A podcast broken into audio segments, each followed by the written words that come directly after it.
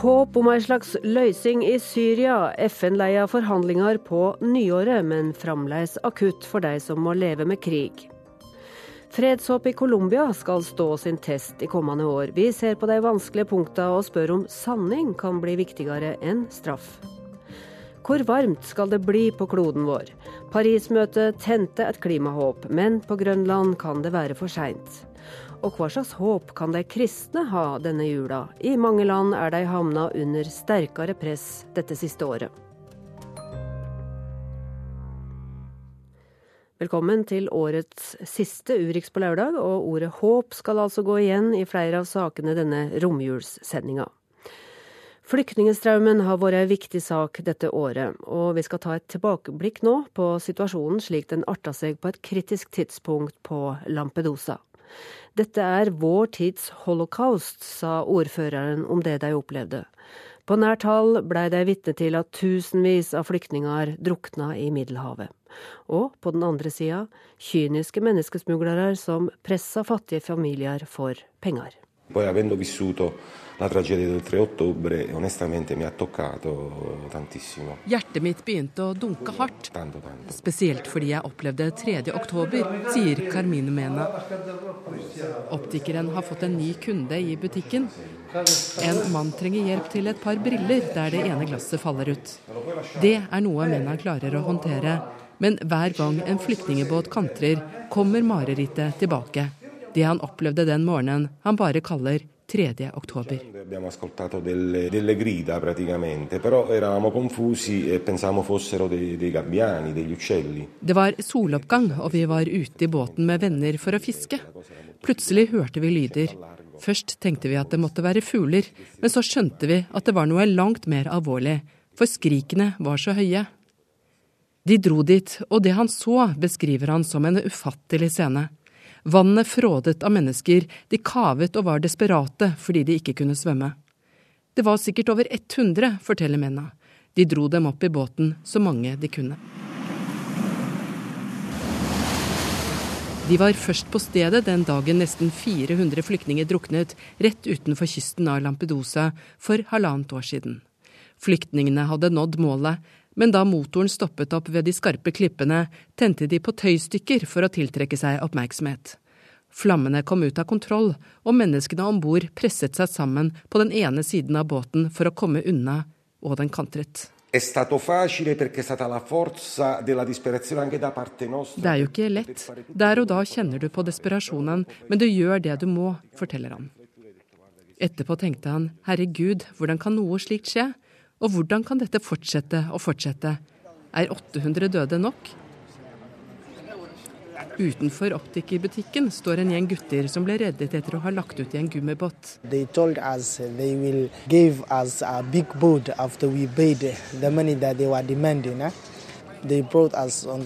De sa vi skulle få dra i en stor båt etter at vi hadde betalt, og ba oss dytte ut noen gummibåter fra stranden.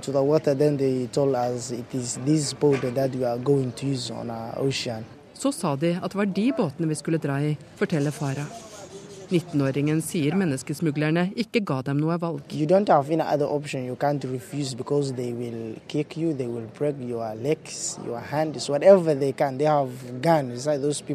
Men i heten fra solen sprakk båten. People started running up and down Children were crying, women were shouting. For us, we submit. We didn't hope that we will get alive and we will be where we want. Man kan ikke vente til tusenvis dør før man handler. Dette er vår tids holocaust, sier ordføreren på det lille øysamfunnet Gissi Nicolini. Hun var en sterk pådriver for at italienerne startet sin redningsoperasjon, som nå er lagt ned. Europa må fortsatt bevise for oss på Lampedusa og resten av verden at de tar dette alvorlig. EU har sjansen nå å vise at de ikke bare er til for bankene og markedskreftene, men også for menneskene, sier hun. Og det var Åse Marit Befring som rapporterte. Det er et slags håp om å kunne forhandle fram ei løysing i Syria nå på nyåret, men inntil videre holder krigshandlingene fram, og det er en barsk hverdag. Vi skal nå få et gjenhør med to kvinner som rykker ut med ambulanser når bombene og granatene slår ned i Damaskus. Nobody before is used to do about that is nobody used to to see a bomb or to see shooting to be uh, uh, in a place and uh, something uh, fall on your on, on your head uh, like like bombing or something. So you can see the fear in, in their eyes all the time. And the fear in our eyes Du ser frykten i folks øyne hele tiden, de var jo ikke vant til bomber før. Og i våre øyne også, sier Rezan. Vi som fikk opplæring i førstehjelp da Syria var et trygt og fredelig sted, fikk jo ingen trening i å behandle krigsskader. Men etter fem år er det ikke noe som sjokkerer oss lenger. We are totally. We can every anything we can see, and we will not say, oh, because we are used to. But some people are not till now. So when uh, when bombing happened, when someone died, uh, they are always uh, feeling feeling afraid, wanting to leave this country, uh, as I can imagine that you can know from the news, because they are leaving. De har en farlig jobb, bekrefter Ragad. Forferdelige skader, fullstendig kaos når de kommer fram og det kan komme nye granater når som helst. Uh, actually, it's um, a horrible uh, scene because um, when uh, I'm a team leader at the ambulance, so uh, you have uh, yourself and three of the um, first aider in the car and the driver. Uh, when you arrive the place, um, you can't imagine the the damage or the um, the the horrible um, victims with uh, lots of blood, with the broken glasses, with crowded people there just shouting all all over the way, and uh, you you feel like. Uh, you're so uh, stressed, and uh, you you need to to get support from the the another ambulances. You need to to get um, to get pro protect for the um, uh, rest of the team. Uh, you don't know if there is a, um, another bomb. Uh, most of the time, we we get we have two. Um, one after another, so you you may get more victims, or you are totally in in very dangerous places. Familiene deres liker det ikke. First, uh, they they didn't know about it because um, uh, when I uh, when I started working with uh, First Aid Squad, um, uh, Damascus was um, almost safe uh, where I live. So uh, we were. Um, we went to hot areas in the suburbs. I didn't tell them actually because it was very, very hot areas, and the the news was um, scared about it. And why do you do it? Why? Why did you volunteer? Uh, uh, Syria needs needs us needs us very much. Uh, it's uh, if if I didn't uh, be there, who who would who would uh, help other people? I study medicine and I have. Um, I can help, so why I, I will just stay at home and doing nothing and watching news. There is um, uh, something inside you that you have to go there. You can't stay at home. Uh, and um, when uh, when you when you feel the team uh, work there, when you when you deal with with injured injured people, when you when you uh, deal with the victims' family, you you feel like uh, you can't go away. You you just feel like you you you have to be there. Hvorfor de setter seg i fare? Fordi landet vårt trenger oss, svarer Ragad, som studerer medisin. Å bare sitte hjemme og følge med på nyhetene var ikke noe valg. Hun må hjelpe. Rezan også. This is now what we do.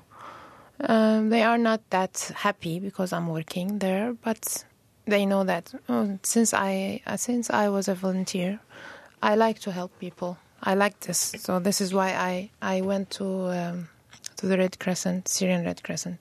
So I cannot leave now. They know that. Your country is in the middle of a terrible civil war. Mm. Um, and the Red Crescent is neutral in conflicts. Mm. How do you stay neutral in such a conflict? Um, how? At the end, I like to think that they are all Syrians, and uh, this will will make uh, our our job easier. So when you interfere, you know that you are interfering to Syrians people. You see, in my area, first aid, it's about uh, the life of person. So you cannot you cannot uh, think that maybe I, I will not interfere because he has this beliefs or he do this. Interfere, do what you have, and then you can do whatever you want after that. But after you give them what they need from first aid and transfer them, you can think. Vi er jo alle syrere, og når vi griper inn, så hjelper vi det syriske folket. Førstehjelp handler om å redde liv, uansett hvem den du hjelper er, eller hva han tror på, sier Asan. Etterpå kan du tenke. Actually, it's not a matter of uh, what you believe in. It's a matter of uh, that you are a human. You you can't see another another one is suffering from something, and you can't get, uh, give your help. Når du ser noen som lider, så må du bare hjelpe. Um, Det handler om å være et medmenneske, svarer uh, Ragad. It's a, a human uh, humanity. Og det var Wenche Eriksen som hadde møtt hverdagsheltene i syriske Røde halvmåne. Vi har aldri vært så nær ei fredsløysing, det sa Colombias president Juan Manuel Santos for litt over ei veke siden. Året som kommer kan dermed komme til å bli sjølveste fredsåret for Colombia, i en krig som har pågått i over 50 år. FARC-geriljaen og regjeringa har blitt enige om å opprette en sanningskommisjon for å røyke ut de ansvarlige for de verste overgrepene. Men for en av krigsflyktningene som har opphold her i landet, er straff mindre viktig enn sanning. Jeg vil vite hvem som prøvde å drepe meg. Jeg vil vite hvorfor han eller hun ville drepe meg. Jeg møter Diego Marin på en kafé i Oslo. Han ble truet på livet i Colombia for sju år siden, og mener trusselen kom fra noen i kretsen rundt tidligere president Alvaro Uribe. Diego var studentleder, måtte flykte og fikk opphold i Norge. Jeg vil ikke at, eh, at de straffes. Jeg vil at de forteller hvorfor, hvordan, og spesielt at dette ikke skjer igjen. Dette må stoppes. Et historisk møte på Cuba i september. Colombias president Juan Manuel Santos håndhilste for første gang på sin erkefiende, FARC-geriljaens leder som går under navnet Timosjenko. De fortalte at de ville underskrive en fredsavtale innen mars neste år, opprette en sannhetskommisjon og en spesialdomstol for å få dømt krigsforbrytere muy difícil porque todo sistema de justicia transicional es imperfecto. Det er ingen overgangssystemer som er perfekte, sier advokaten og generalsekretæren i menneskerettighetskomiteen i Colombia, Diego Martinez, som nylig var i Oslo.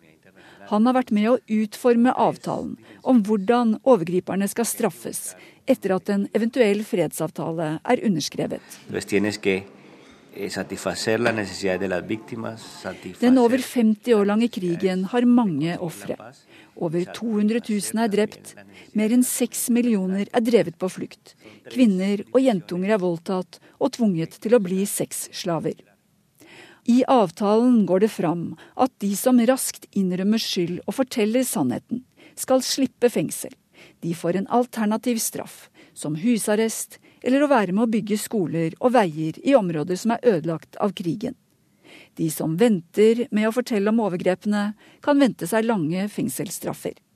Sannheten er det viktigste for fredsprosessen, sier Diego. Etter 60 år krig er det mange i Colombia som har gjort grusomme ting. Men problemet er ikke de som, som brukte våpen. Problemet er hvem som bestemte det. Hvem som bestemte de som skulle drepes. Det er nettopp bakmennene som har grunn til å frykte sannheten, og avtalen er myntet på å lokke dem fram i lyset, forteller advokaten Diego Martinez. Pues oscuros conoce. Vi snakker om skjulte maktgrupper som har misbrukt makten for å begå alvorlige overgrep, og som har deltatt i den skitne krigen, sier Martinez. Det gjelder både innen politikk og næringsliv og målet er å få straffet dem.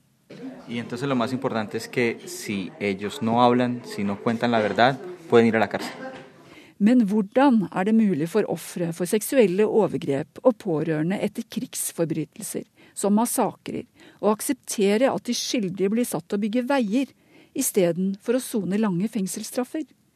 Diego mener folk på landsbygda, som har opplevd krigen på nært hold, er mer åpne for alternativ straff enn folk i byene. Eh, det er veldig radikalt, de vil straffe alle som var med på krigen. Men ofrene er ikke i byene. Ofrene er på landsbygda, og vi må høre på dem. Og jeg er helt sikker på at de er veldig fornøyd med det som er nå inne i avtalen. Fordi hvis vi begynner å straffe folk i et land med 60 år krig, kommer vi til å ha halvparten av befolkningen i fengsel. Så det går ikke. Men mange i Colombia er fortsatt imot å forhandle med FARC-geriljaen, som de ser på som terrorister. En av dem er tidligere president Alvaro Uribe. På tross av motstand mener Diego at flertallet i Colombia nå er for en fredsavtale med FARC, og han er helt sikker på at de underskriver en avtale neste år. Colombia er et fantastisk land med fantastiske mennesker der. Og når den avtalen blir signert, skal vi feire, skal vi Vi skal, vi skal, vi skal bli glad.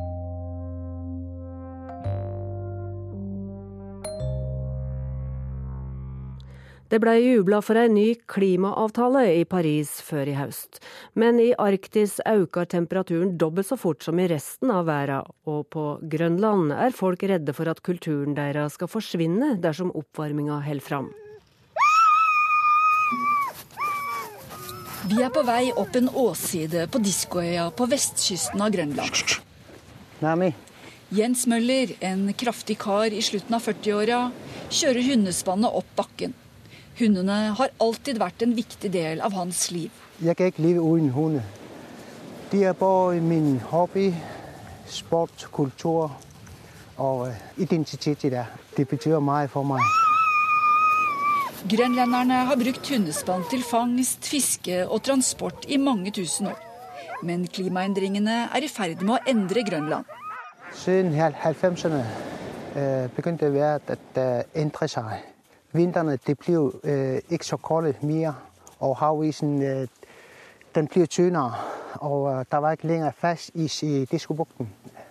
Han forteller at de ikke lenger kan kjøre hundespann over isen til stedene på den andre siden av fjorden, slik de kunne tidligere.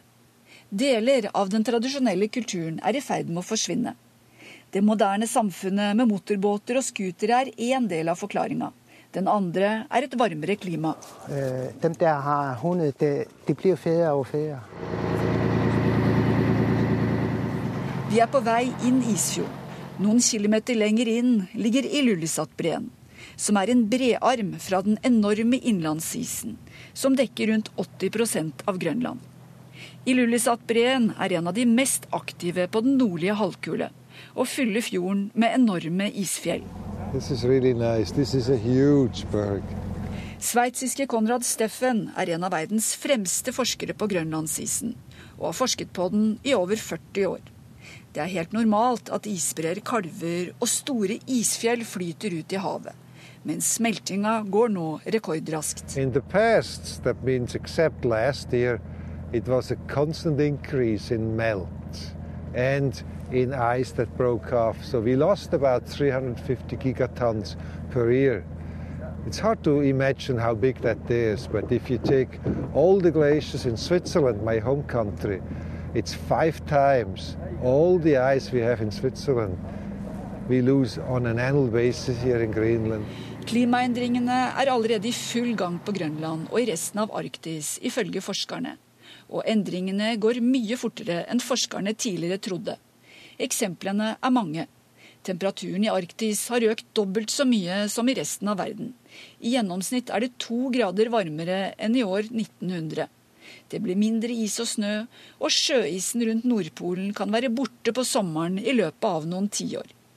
Forskerne mener Grønland er som et barometer for hva som vil skje andre steder på kloden, hvis vi ikke klarer å begrense klimautslippene og temperaturen fortsetter å øke. In polar regions, we know that from the models, we know that from our measurements, we'll respond first in a climate warming. If you go to my home country, your home country, if the temperature increases half a degree, you don't even see it.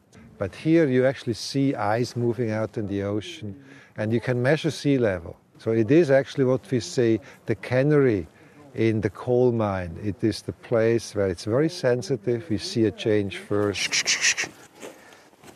Vi er tilbake på Diskoøya. Jens Møller og mange andre på Grønland mener at et varmere klima ikke bare er negativt. Jo mindre det kommer havis, jo lettere er det for oljeselskapene å bore etter olje. Og øh, jo varmere klima vi har, innlandsisen den smelter blir mindre og mindre. Jo mer mineraler kan man finne, og jo mer kan man dyrke i jorden. Mange grønlendere håper at nye inntekter skal gi mulighet for selvstendighet fra Danmark. Men lavere oljepris har foreløpig satt en stopper for det store oljeeventyret. Jens er bekymret for framtida. For folk som oss, som meg, der, der elsker vinteren og snøen og isen, så vil det være et stort tap for grønlænderne og inuittkulturen at uh, hvis det ikke kommer lenger havis, så vil det ikke være det samme. Reporter her var Inger Marit Kolstad Bråten.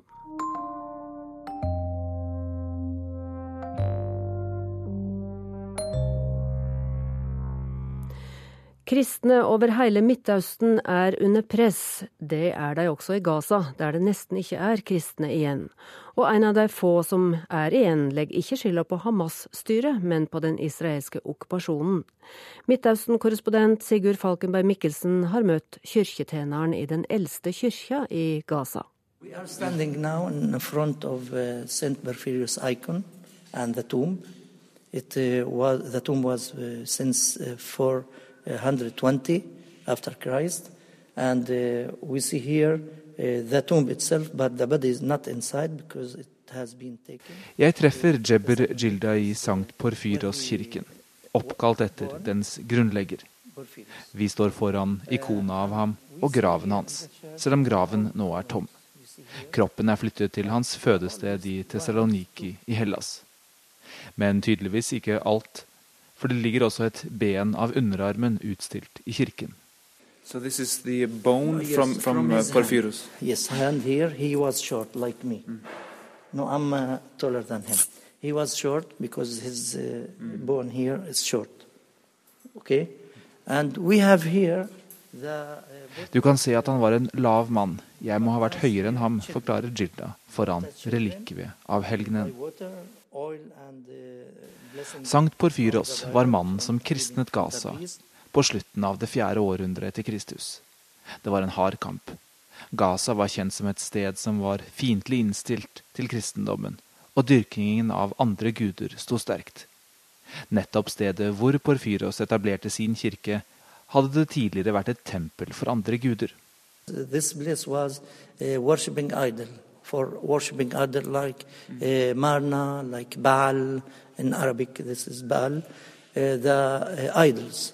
And he came and he fight, fight all these uh, people were worshipping idols, and he began to build this church. The church was uh, damaged for many times, but now De dyrket guder som Marna og Baal. Han kom og sloss mot dem som dyrket disse gudene, og etablerte denne kirken. Den har blitt ødelagt mange ganger, men nå er den godt restaurert, forteller han videre i det som er en av de eldre kirkene i kristendommen. Uh, and, but this is, must be one of the, uh, the oldest uh, churches in, in Christianity. Yes, it's uh, the old uh, church, the oldest church here uh, in the area. Yes, and we have uh, another church. It's what it now it's uh, it called uh, Al-Amari Mosque, the big mosque here, when Muslims came, Christians gave it to them. Det var ikke mange hundre årene Gaza-innbyggerne hadde kristendommen som eneste monoteistiske religion. Et par hundre år etterpå gjorde islam sitt inntog og dominerer som kjent den dag i dag. Sankt Porfyros var da en av to store kirker i området. Den andre ble gjort om til moské. Ifølge Jilda ble den gitt bort til muslimene, slik at de også skulle ha et sted å be. I dag, av en befolkning på rundt 1,8 millioner mennesker, er det bare en ørliten gruppe kristne igjen her. Og de blir færre. Also, many Christians are leaving Gaza now. Leaving because not because of uh, Hamas is uh, controlling Gaza, but because they don't find future here for them. They finish uh, universities, and when they don't uh, see any place to work, they go outside to work and to build their future. So, how many Christians are left now in Gaza? We are about 1,300 persons in Gaza only. Gilda sier altså at folk drar fordi det ikke er noen framtid her, fordi folk går ut fra universitetet uten jobb, og da velger mange å dra for å etablere sine liv andre steder. Det var rundt 7000 kristne her for noen år siden. Nå er det bare 1300 igjen. Kristne har lettere for å få visum til Vesten enn muslimer. Det er altså et kjent problem på den okkuperte Vestbredden.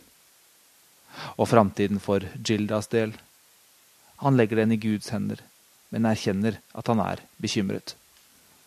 So, how do you see? I see the future in the hand of God. I mean, this is the first, but uh, no one can know the future. But I think future is worry. worry. We have worries about future as Christians, not because from, from Muslims, but in general. In general, it's not clear future here in Gaza. Usikkert om framtida i Gaza, altså. Velkommen i studio, Trond Bakkevik. Takk for det. Du er teolog, prost i Oslo, og har ei årrekke vært engasjert i dialogskapende arbeid mellom ulike religiøse grupperinger i Midtøsten. Og som vi hørte her, de kristne i Gaza er under sterkt press. Hvor alvorlig vil du si at denne situasjonen er? Jeg vil si den er veldig alvorlig, både i Gaza og i, i hele Midtøsten. Noen av landene, f.eks. Irak, er det nesten ikke kristne igjen. Og noen av de stedene hvor det har vært kristne gudstjenester i 17 18 1900 år, er det ikke lenger gudstjenester. Vi ser en, en masseemigrasjon av kristne fra Midtøsten. Mm. Hvis vi ser spesielt på da f.eks. Gaza, der ja. denne kirketjeneren var veldig nøye med å nettopp ikke legger skylda på Hamas. Eh, hva tror du om det? Jeg tror han i stor grad har, har rett, fordi Hamas og altså de muslimske bevegelsene som ikke beveger seg i den retning som Al-Nusra eller IS, de er vant til å leve sammen med kristne. og og Der gjelder det at de kristne er tydelige på hvem de tror på, og hva de tror, og muslimene er tydelige. Og, og så gjester de hverandre og respekterer hverandre. Det har vært en tradisjon, og den, den vet jeg at Hamas har prøvd å opprettholde. Og så finnes det selvfølgelig også lokale grupperinger der. Det, det, det som imidlertid er situasjonen, er som han sier, eller som Sigurd Falkenberg Mikkelsen sier, at det er lettere for kristne å å få visum til Vesten, bl.a. pga. familiegjenforening.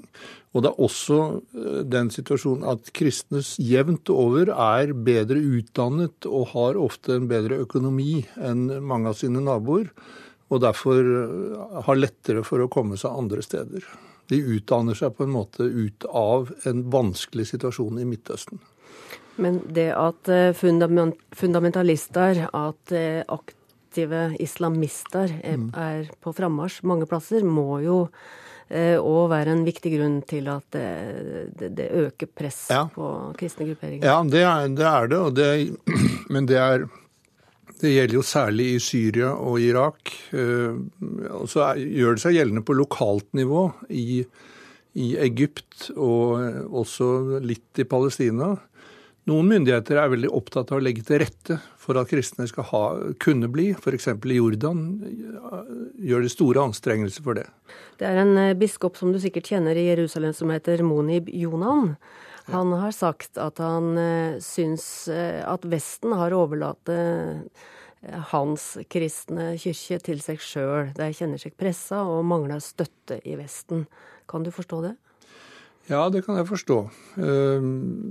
Fordi delvis handler det om økonomi. Altså rett og slett til å drive de små kirkesamfunnene i fattige land Eh, delvis så handler det om å vedlikeholde et nærvær som er synlig også for Vesten, og det koster. Eh, og delvis så handler det om at veldig mange kristne som kommer til Israel og Palestina, de besøker ikke de lokale kirkene. De, besøker, de, de reiser på, på, en pilegrimsreise til Det hellige land uten å bry seg om de kristne som, som bor der. Og det er vanskelig å se, og det gjør ofte også at, at kristne på den ene side, så deler de hverdagen. Eh, så blir de slått i hardkorn med okkupanter og med, med, med Vesten, som i palest, mange palestineres øyne støtter Israel. Og så blir de skviset av den grunn. Og det, dette gjør det veldig vanskelig å være kristen. Det er jul. Vi må snakke litt om Betlehem også. Ja. Eh, blir det kristne igjen i Betlehem, slik som utviklinga går nå? Ja, katastrofevarslene er der. Eh, fremdeles så er det sånn at Betlehem og Ramallah eh, har kristne ordførere, og det er nedfelt i den palestinske grunnloven. Men eh, også i Betlehem er det nå en majoritet av, av muslimer, og det er vanskelig for folk fra andre deler av Vestbredden og Gaza å komme til Betlehem for å feire jul, f.eks. I Gaza har de fått 600, 600 jeg tror det er 600 tillatelser altså til å reise fra Gaza til Betlehem. Og så viser det seg at de, stort sett så kan det ikke brukes fordi det er unntak for, for, menn mellom jeg tror det er 12 eller 15 år og opp til 45 år. Og det gjør da at f.eks. unge familier de kan ikke reise. Men jul blir det i Betlehem. Eh, og i år blir den litt dempet pga. situasjonen. Og det har vært vedtak i palestinske sammenhenger på at den skal dempes. Nettopp for å uttrykke solidaritet med den palestinske befolkning i denne situasjonen. Mm. Jul blir det også i Pakistan. Du skal bli med oss videre, Trond Bakkevik. Vi skal innom Lahore i Pakistan, for de kristne der er også del av et minkende mindretall, og de er under økende angrep. Etter at Pakistan ble USAs allierte i kampen mot terror, er situasjonen drastisk forverra. Og de kristne som feirer jul i gatene i Lahore, oppfører seg forsiktig. Men trass i angrepa den siste tida er budskapet tydelig fred for alle i landet. Hundrevis av festkledde pakistanere feirer i gatene i storbyen Lahore. Mange av barna har heldekkende nissedrakter på seg. Menneskene her tilhører en av landets minoriteter. De kristne utgjør knapt 4% av en befolkning dominert av muslimer. Ved inngangen til julehøytiden har de som deltar på denne festivalen et budskap til alle i Pakistan, uansett religion. Christmas आता है तो अमन और सलामती का पैगाम लेकर आता है तो इसीलिए हम आज क्रिसमस की खुशियाँ सबके साथ बांट रहे हैं Målet med julefestivalen er å fortelle hverandre at freden må blomstre i landet vårt. La oss feire jul med trygghet og fred for alle som mål. En pent pyntet kvinne i knallrød kjole og som kaller seg Sana, er henrykt. Blant de mange som deltar på festen, er barn og voksne sittende på hest eller i en hestevogn. Selv dyrene er pyntet med nisselue og nisseskjegg. En ung mann i heldekkende nissekostyme forteller hvorfor han deltar i juleopptoget i gatene i Lahore.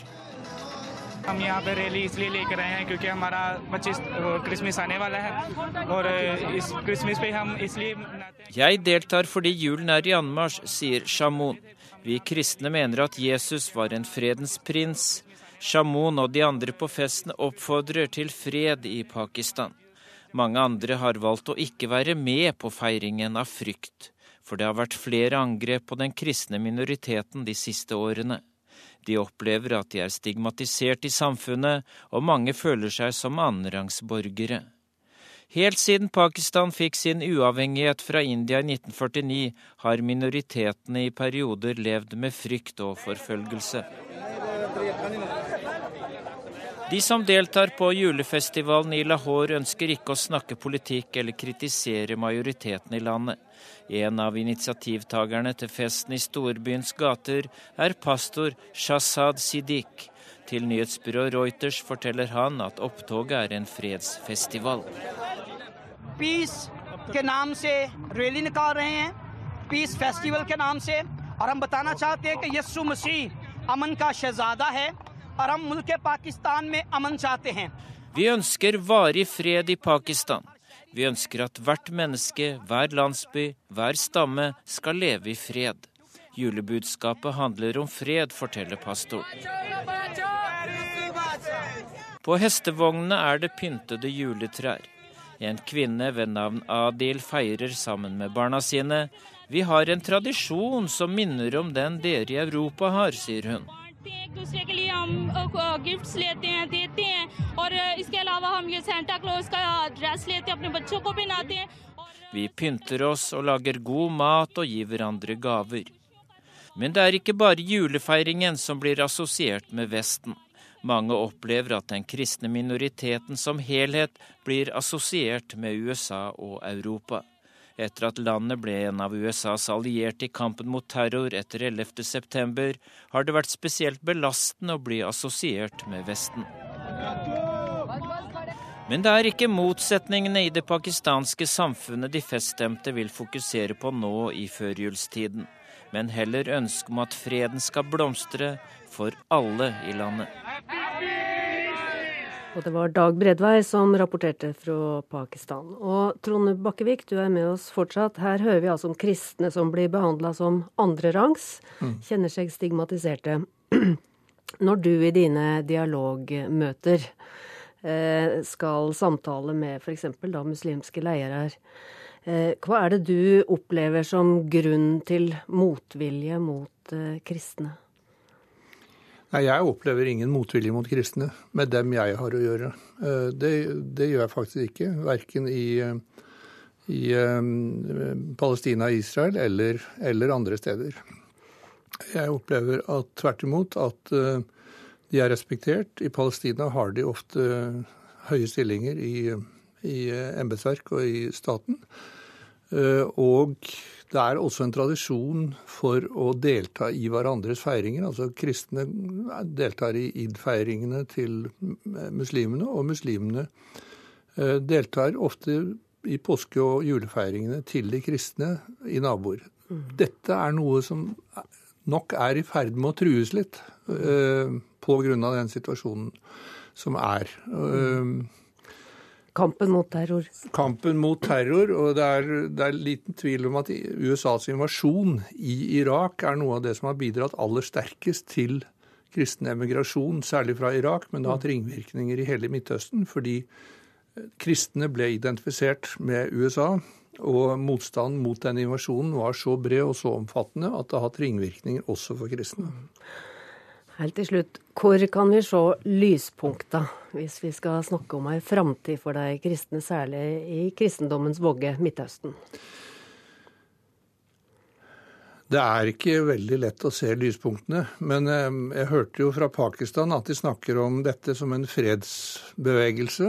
Og, eh, og det var jo på markene utenfor Betlehem at englene sang om fred på jord. Og jeg tror at eh, de kristne kirkene i Midtøsten de avlegger et veldig tydelig vitnesbyrd om, om, at de er for fred, at de er for demokrati. At de representerer et viktig innslag i den mosaikk som Midtøstens samfunn skal være, og som nettopp eh, denne, dette mangfoldet muliggjør byggingen av demokrati. Og så henter de ressurser fra sin egen tro, og de er, de er utholdende og de er beundringsverdige. Og i det ligger det håp. Det får bli julebudskapet fra oss her i dag. Takk for at du kom, Trond Bakkevik.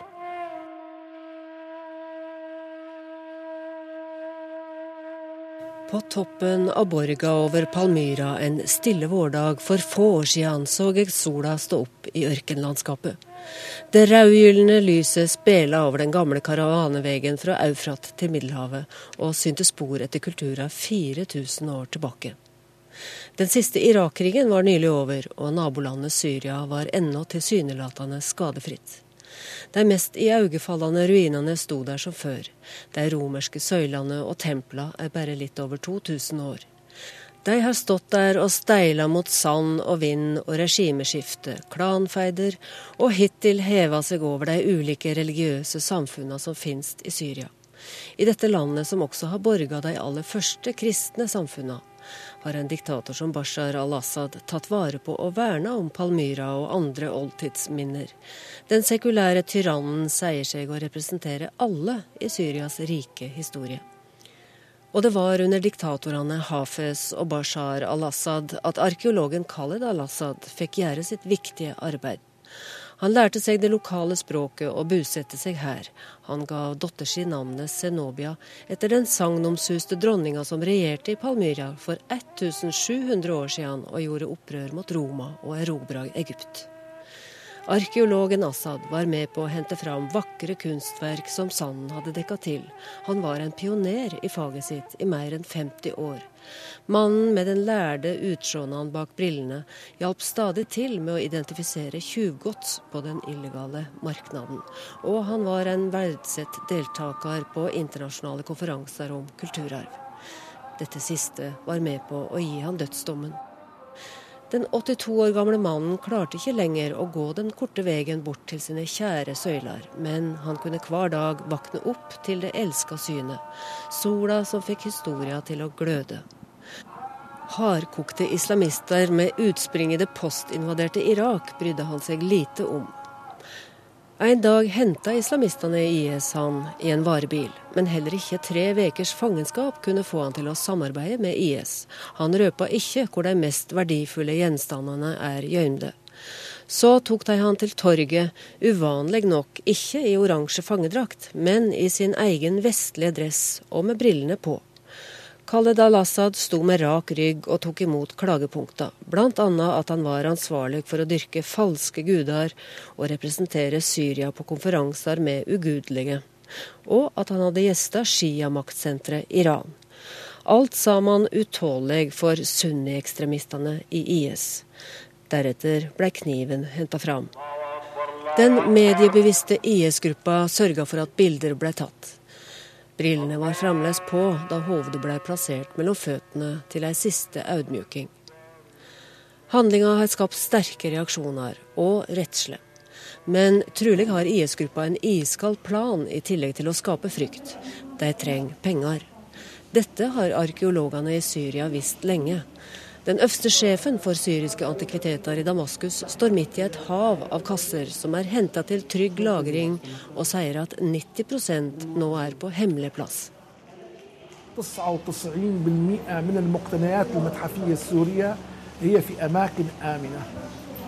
قمنا لذلك نحن ما نقوم به عندما تأتي القطع الأثرية من المحافظات السورية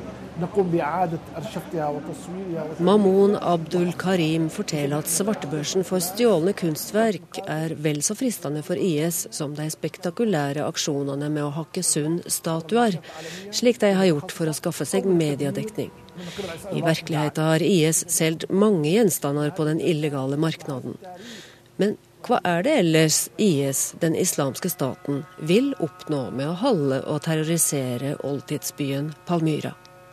Jeg ringer til en av mine gamle kjente i Syria og spør. Han kan ikke lenger framstå med navn, og gir ingen intervju. Men han er en av de få som har kontakter inn til IS. Hovedgrunnen til at IS har slått seg til i oldtidsbyen Palmyra, er ikke ideologisk, mener han. IS er en pragmatisk, maktsøkende organisasjon som tar alle virkemidler i bruk. Og Palmyra gir den hardkokte organisasjonen først og fremst militært vern. For hvem vil finne på å fjernbombe oldtidsminner? I alle fall ikke de vestlige maktene som ellers bomber IS-mål. De har jo sjøl betalt for å få fram verdensarven.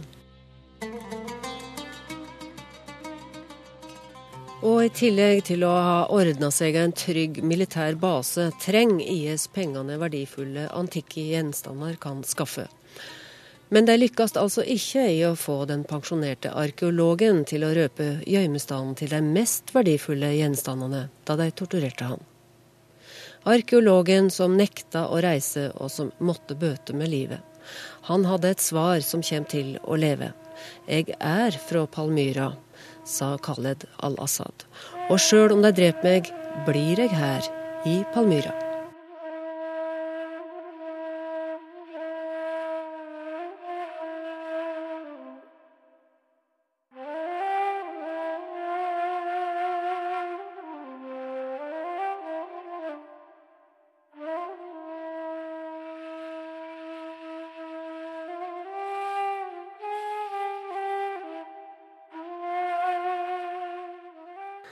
Korrespondentbrevet denne veka handler også om de kristne sin situasjon, men det er postlagt i et land der de som tror på Gud har både samfunnsmessig og politisk stor betydning, sjøl om det også der er i ferd med å bli litt færre kristne.